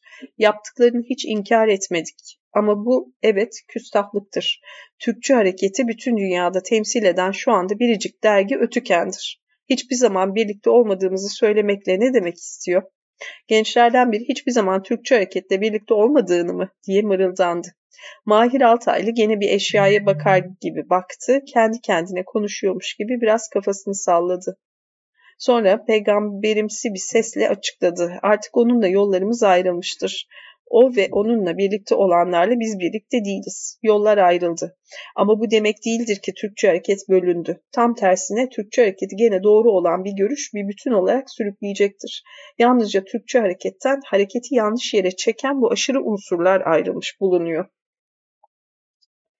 Bir sessizlik başladı. Herkes sanki tarihi anın keyfini çıkarmak için susuyordu. Mahir Altaylı'nın Veznecilerdeki evinde oturuyorlardı. Her pazar sabahı Ötüken dergisini çıkaran, dergide çalışan 4-5 kişi burada buluşuyor, dergi Türkçe hareket yapılacak işler hakkında konuşuyorlardı. Az önce öğle yemeği bitmiş, Mahir Altaylı'nın karısı sofrayı toplamış, Muhittin'in dikkatini çeken kızı kahveleri getirmiş ama masadan kalkılamamıştı. Mahir Altaylı yemeğin başından beri Mustafa Kemal'in ölümünden sonra Türkiye'ye dönen Türkçü profesörle yaptığı görüşmeyi anlatıyordu. Herkes neşeli ve kararlı gözüküyordu ama görüşme istenilen sonucu vermediği için de bir şüphe ve endişe vardı ortada. Milliyetçi ve ırkçı çevrelerde çok saygınlığı ve etkisi olan profesörün yeni bir dergi çıkarmasından korkuyorlardı. Hatay davası hakkında ne düşünüyormuş diye sordu Serhat. Evet, bence bu dava artık kapanmıştır ama gene de düşüncesini sordum dedi Mahir Altaylı. Yanlış şeyler düşünüyor. O da pasifizmden ilhak sonucu verecek bir barışçılıktan yana. Belki haklı çıktı ama yanlış. Hatay'ı bize Fransızların Almanlara yanaşmamamız için verdiklerini anlamıyor. Eğer Hatay'da zora başvurmuş olsaydık Fransızlarla İngilizlerle çatışmış olacak, kendiliğinden bugün Almanların yanında yerimizi alacaktık. Hatay iyi bir fırsattı. Bizde kaldı ama başka şeyleri kaçırdık. Bunları anlattım. Anlamadı ya da anlamamız, anlamamazlıktan geldi. Üstelik üstü kapalı bir dille Almanlara çatar gibi de yaptı. Türk milliyetçiliği nasyonel sosyalizmden çok çekiniyormuş. Onlara benzeterek bize faşist diyorlarmış. Burayı tekrar okuyacağım. Çok dağla dağla okudum çünkü. Evet bence bu dava artık kapanmıştır ama gene de düşüncesini sordum dedi Mahir Altaylı. Hatay davası üstüne sormuş. Peki yanlış şeyler düşünüyor. O da pasifizmden ilhak sonucu verecek bir barışçılıktan yana. Belki haklı çıktı ama yanlış. Hatay'ı bize Fransızların Almanlara yanaşmamamız için verdiklerini anlamıyor. Eğer Hatay'da zora başvurmuş olsaydık Fransızlarla İngilizlerle çatışmış olacak, kendiliğinden bugün Almanların yanında yerimizi alacaktık. Hatay iyi bir fırsattı. Bizde kaldı ama başka şeyleri kaçırdık. Bunları anlattım, anlamadı ya da anlamamazlıktan geldi. Üstelik üstü kapalı bir dille Almanlara çatar gibi de yaptı. Üstelik üstü kapalı bir dille Almanlara çatar gibi de yaptı. Türk milliyetçiliği nasyonel sosyalizmden çok çekiyormuş. Onlara benzeterek bize faşist diyorlarmış. Bu yüzden Almanlara karşı dikkatli olmalıymışız falan.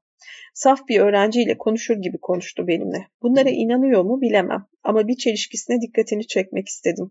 Bir yandan kafa tasçılık, öte yandan Almanlara dikkat eden ılımlı siyaset. Nasıl oluyor bu? dedim.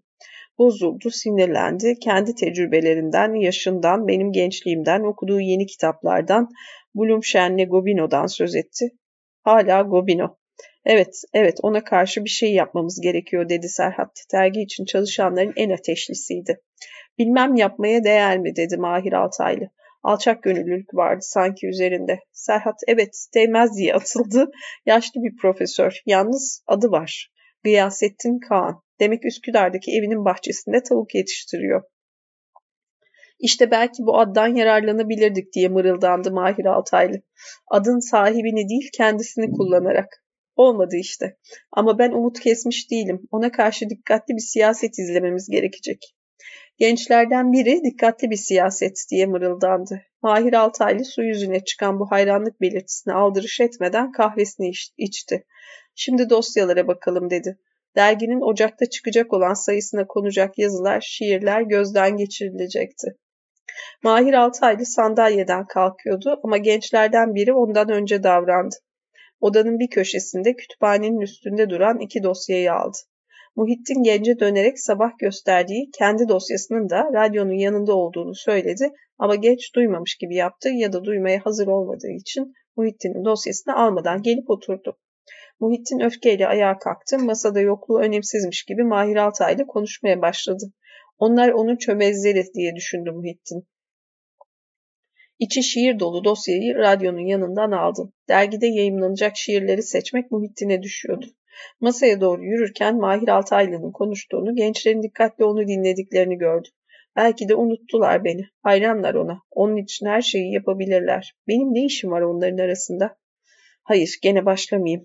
Ben inanıyor ve heyecanlanıyorum. Masaya oturdu. Dosyalardan, dergide yayınlanacak yazılardan değil, gene Gıyasettin Kağan'dan söz ediliyordu. Bu konuda bir rahatsızlık olduğundan Muhittin'in hiç şüphesi yoktu. Onun bize ne zararı dokunabilir diye düşündü. İmtiyaz almışsa dergi çıkarır, biz de kim bilir siliniriz. Bu silinmek düşüncesi içinde bir felaket duygusundan çok bir eğlence ve bayram coşkusu uyandırdı. Dergi hiç satmaz, saygıdeğer Türkçüler Mahir Altaylı'yı aforoz eder. Bunları düşündükçe neşeleniyordu. Birden korktu. Hayır, hayır, kendim vermem gerekir diye söylendi. Kendim vermeliyim. Evet, şimdi bana düşen görev nedir? Elinin altındaki dosyanın kapağını açtı Ama sonra Mahir Altaylı'yı dinlemesinin doğru olacağını düşünerek kapadı. Mahir Altaylı hala profesörden söz ediyordu. Serhat, ondan niye çekiniyoruz dedi. Anlaşılan o ihtiyarcık Üsküdar'daki köşesine çekilmiş, tavukları ve kitaplarıyla uğraşıyor. Biz ona ilişmesek, biz ondan yararlanmalıyız diyerek Mahir Altaylı ayağa kalktı. Onun hakkında bir övgü yazsak iyi olur. Hayranlarının ilgisini çekeriz. Onun etkisinde olanlar dergiye güvenir ama böyle bir yazıyı ben yazamam. Onu öven ama yaşlandığını, işinin bittiğini gösteren bir yazı yazmalı biri. Ona karşı tavrımız bir cenazeye duyulan saygıdan, bütün gözlerin kendisini izlediğinden emin, susuyormuş gibi yürüyordu. Muhittin ona bakmak istemedi. Önündeki dosyayı açtı, dergiye gelen bütün şiirleri okuyor, iğreniyordu. Hepsinde aynı kahramanlık, mertlik, cesaret kelimeleri, aynı savaşma isteği, destanlardan alınmış aynı adlar vardı. Şiirlerdeki kelimelerin onda biri birbirinin aynısıydı. Mahir Altaylı gençleri coşturmak, teşvik etmek, dergiye bağlamak için bol bol şiir yayınlanmasını istiyordu. Muhittin bunlar arasından bazılarını seçmişti. Beşiktaş'ta meyhanede buluştuğu askerlerden birinin bir şiirini de koymuştu dosyaya. Üç ayda onları Türkçülüğe bağlamıştı. Onlar da benim çömezlerim diye düşündü. Mahir Altaylı'nın sesine dikkat etmemek için bu şiirlerden birini okumak istedi. Dosyanın en üstünde duran kendi şiirini gördü. Birden her zaman kapıldığı ve Türkçülüğe kendini vermesine engel olan meraka kapılarak nasıl öyle oluyorlar, nasıl o şiirleri yazıyorlar, içlerinde ne var, neler hissediyorlar diye düşünmeye başladı. Sonra Mahir Altaylı'nın kendisine seslendiğini fark etti. Sen yazabilirsin belki böyle bir yazıyı Muhittin. Ama ben onu fazla tanımıyorum ki. Böyle birisinin övgü yazması daha iyi olur. Üstadın eserlerini hiç mi okumadın? Türk tarihine başlangıcı ve Türkistan folklorunu okumuştum dedi Muhit. Yeter o kadar. Zaten kendini tanıtmaya meraklıdır üstad. O kitaplarında hayat hikayesine vermiştir. Onlardan yararlan, istersen bana sor. İki sayfalık bir şey olsun.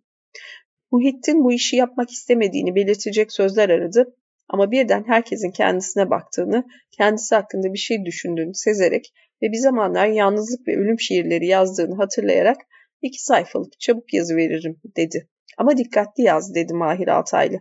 Sanki denetiminden kaçan bir şey varmış gibi titizleşmişti. Dikkatli yazarım diye homurdandı Muhittin ama sözlerinin onları öfkeden çok boyun eğme taşıdığını hissederek sinirlendi. Ben de bir çömezim.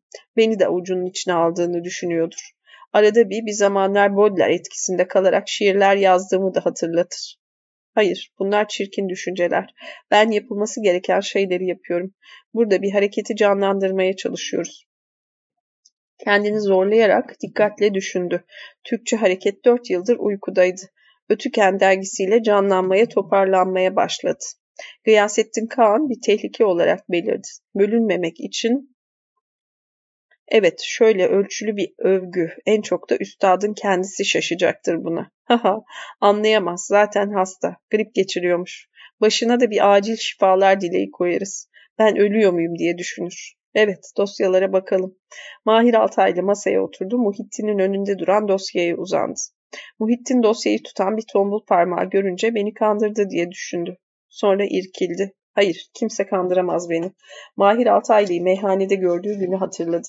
O zaman Halim Selim bir ihtiyarcığa benziyordu. Şimdi ise şeytan. Annesini, okul arkadaşlarını hatırladı. Hiçbir zaman yoldan çıkarılan kurban rolüne girmeyeceğim. Her zaman yoldan çıkaran ben olacağım. Şeytanım ben. Kurbanlarımın şiirleri de elimin altındaki dosyada. Ama dosya orada. Mahir Altaylı şiir dosyasını açmış, en üstteki şiiri görmüştü. Muhittin onun yüzüne dikkatli baktı ama karşısındaki ne de olsa bir öğretmendi. Yüzü kendini ele vermiyor, öteki şiirlere bakıyordu. Muhittin yayınlanabilecek olanları işaretlemişti. Mahir Altaylı gene Muhittin onu meyhanede gördüğü zaman baktığı gibi sanki ben senin içinden geçenleri okuyorum diye düşünerek bakıyordu şiirlere. Birden sordu. Bu Barbaros imzası nereden çıktı? Bir asker dedi Muhittin. Milliyetçi duyguları gittikçe güçleniyor. Soyadını yazmamasını söyledim. Oo demek tanıyorsun dedi Mahir Altaylı. Milliyetçi bir asker. Dergimizi izliyor mu? Tanışmak isterdik onunla. Muhittin elinden bir şey kaptırmak istemiyormuş gibi aceleyle daha çok genç diye söylendi. Hepimiz genciz diye gülümsedi Mahir Altaylı ama Muhittin'in yüzünden de istediği şeyi hemen anlayamayacağını anladı. Acele etmiyoruz canım biz. Türkçü hareket bütün baskılar, sinsi komplolar karşısında yıllarca sabretmeyi başardı. Beklemesini bilir. Bu imzayı tanıyorum. Bunu da.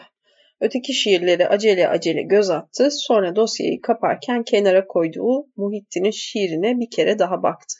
Sen ne yazdın bakalım Bodler? Serhat güldü. Gençlerden de biri güldü ama öteki Muhittin'e saygılıydı. Sinirli bir sessizlik oldu. Muhittin Neşe'ye katılmadığı için rahatsız olmuşlardı galiba. Evet bu kadar şaka yeter dedi Mahir Altaylı. Kahvelerimizi de içtik. Şimdi derginin kapı açıldı. Mahir Altaylı'nın kızı içeri girdi.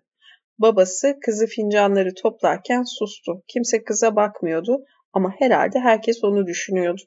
Güzel bir kız değildi. Muhittin birden içinde bir meydan okuma isteğinin alevlendiğini hissederek döndü. Açık açık baktığını göstererek hiçbir şey saklamadan kıza baktı. Kızı rahatsız edecek kadar dikkatlice gözlerini üzerine dikmişti. Sonra meydan okuyabildiği için gururlandığını hissetti. Şimdi benim hakkımda ne düşünüyorlar acaba diye düşündü.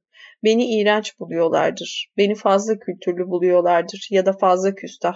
Onlar için ikisi de aynı kapıya çıkar. Onlar, onlar kim? Hayır ben de onlardanım. Kendimi şüpheye, iğrenç şüpheye, aklın gevezeliğine bırakmamam gerekir. Bırakmayacağım, inanacağım. İnanacağım, Allah'ım inanacağım. Aklımın küçük gevezeliğini susturacağım. Onlar ne konuşuyorlar? Bugün Ramazan. Refik ne yapıyordur? Mahir Altaylı 40 kere açıkladığı Rasen psikoloji kavramını açıklıyor fizyolojik özelliklerin uruk tespiti için yeterli olmadığını, tarihi özelliklerin de göz önüne alınması gerektiğini söylüyor. Onlar da dinliyorlar. Bu meseleyi kavradığıma göre benim dinlememe gerek yok. Düşüneyim. Bugün Ramazan, Refik. Hayır, dinleyeyim. Peki ben o şiirleri nasıl yazıyorum? O şiirler. Yok, yaptıklarım doğru. Barbaros'un şiiri Ocak sayısında yayınlanır. Hayır, dinleyeceğim ve onlara katılacağım. Ne diyor? Mesela İspanyollar hislerinde aşırı şehvetperest ve aristokrat ruhluysalar bu onların ırki psikolojisinin Peki biz Türklerinki bunu mertlik, cesaret ve savaşçılık olarak açıklarız. Yabancılar bunu misafirperverlik ve şiş kebabı ve 3 nokta yeter ünlem. Muhittin'in iç çığlığıyla bitiyor. Yani kendini Türkçülüğe inanmaya zorlayarak şu anda bir yere ait olma e, herhalde güdüsüyle korkunç çabalıyor. 46. bölümde böyle bitiyor. Ben de biraz grip oluyorum herhalde. 440. sayfadayım. Aslında 200 sayfa kaldı. Bugün biraz daha okurum herhalde ama şimdilik nokta olsun.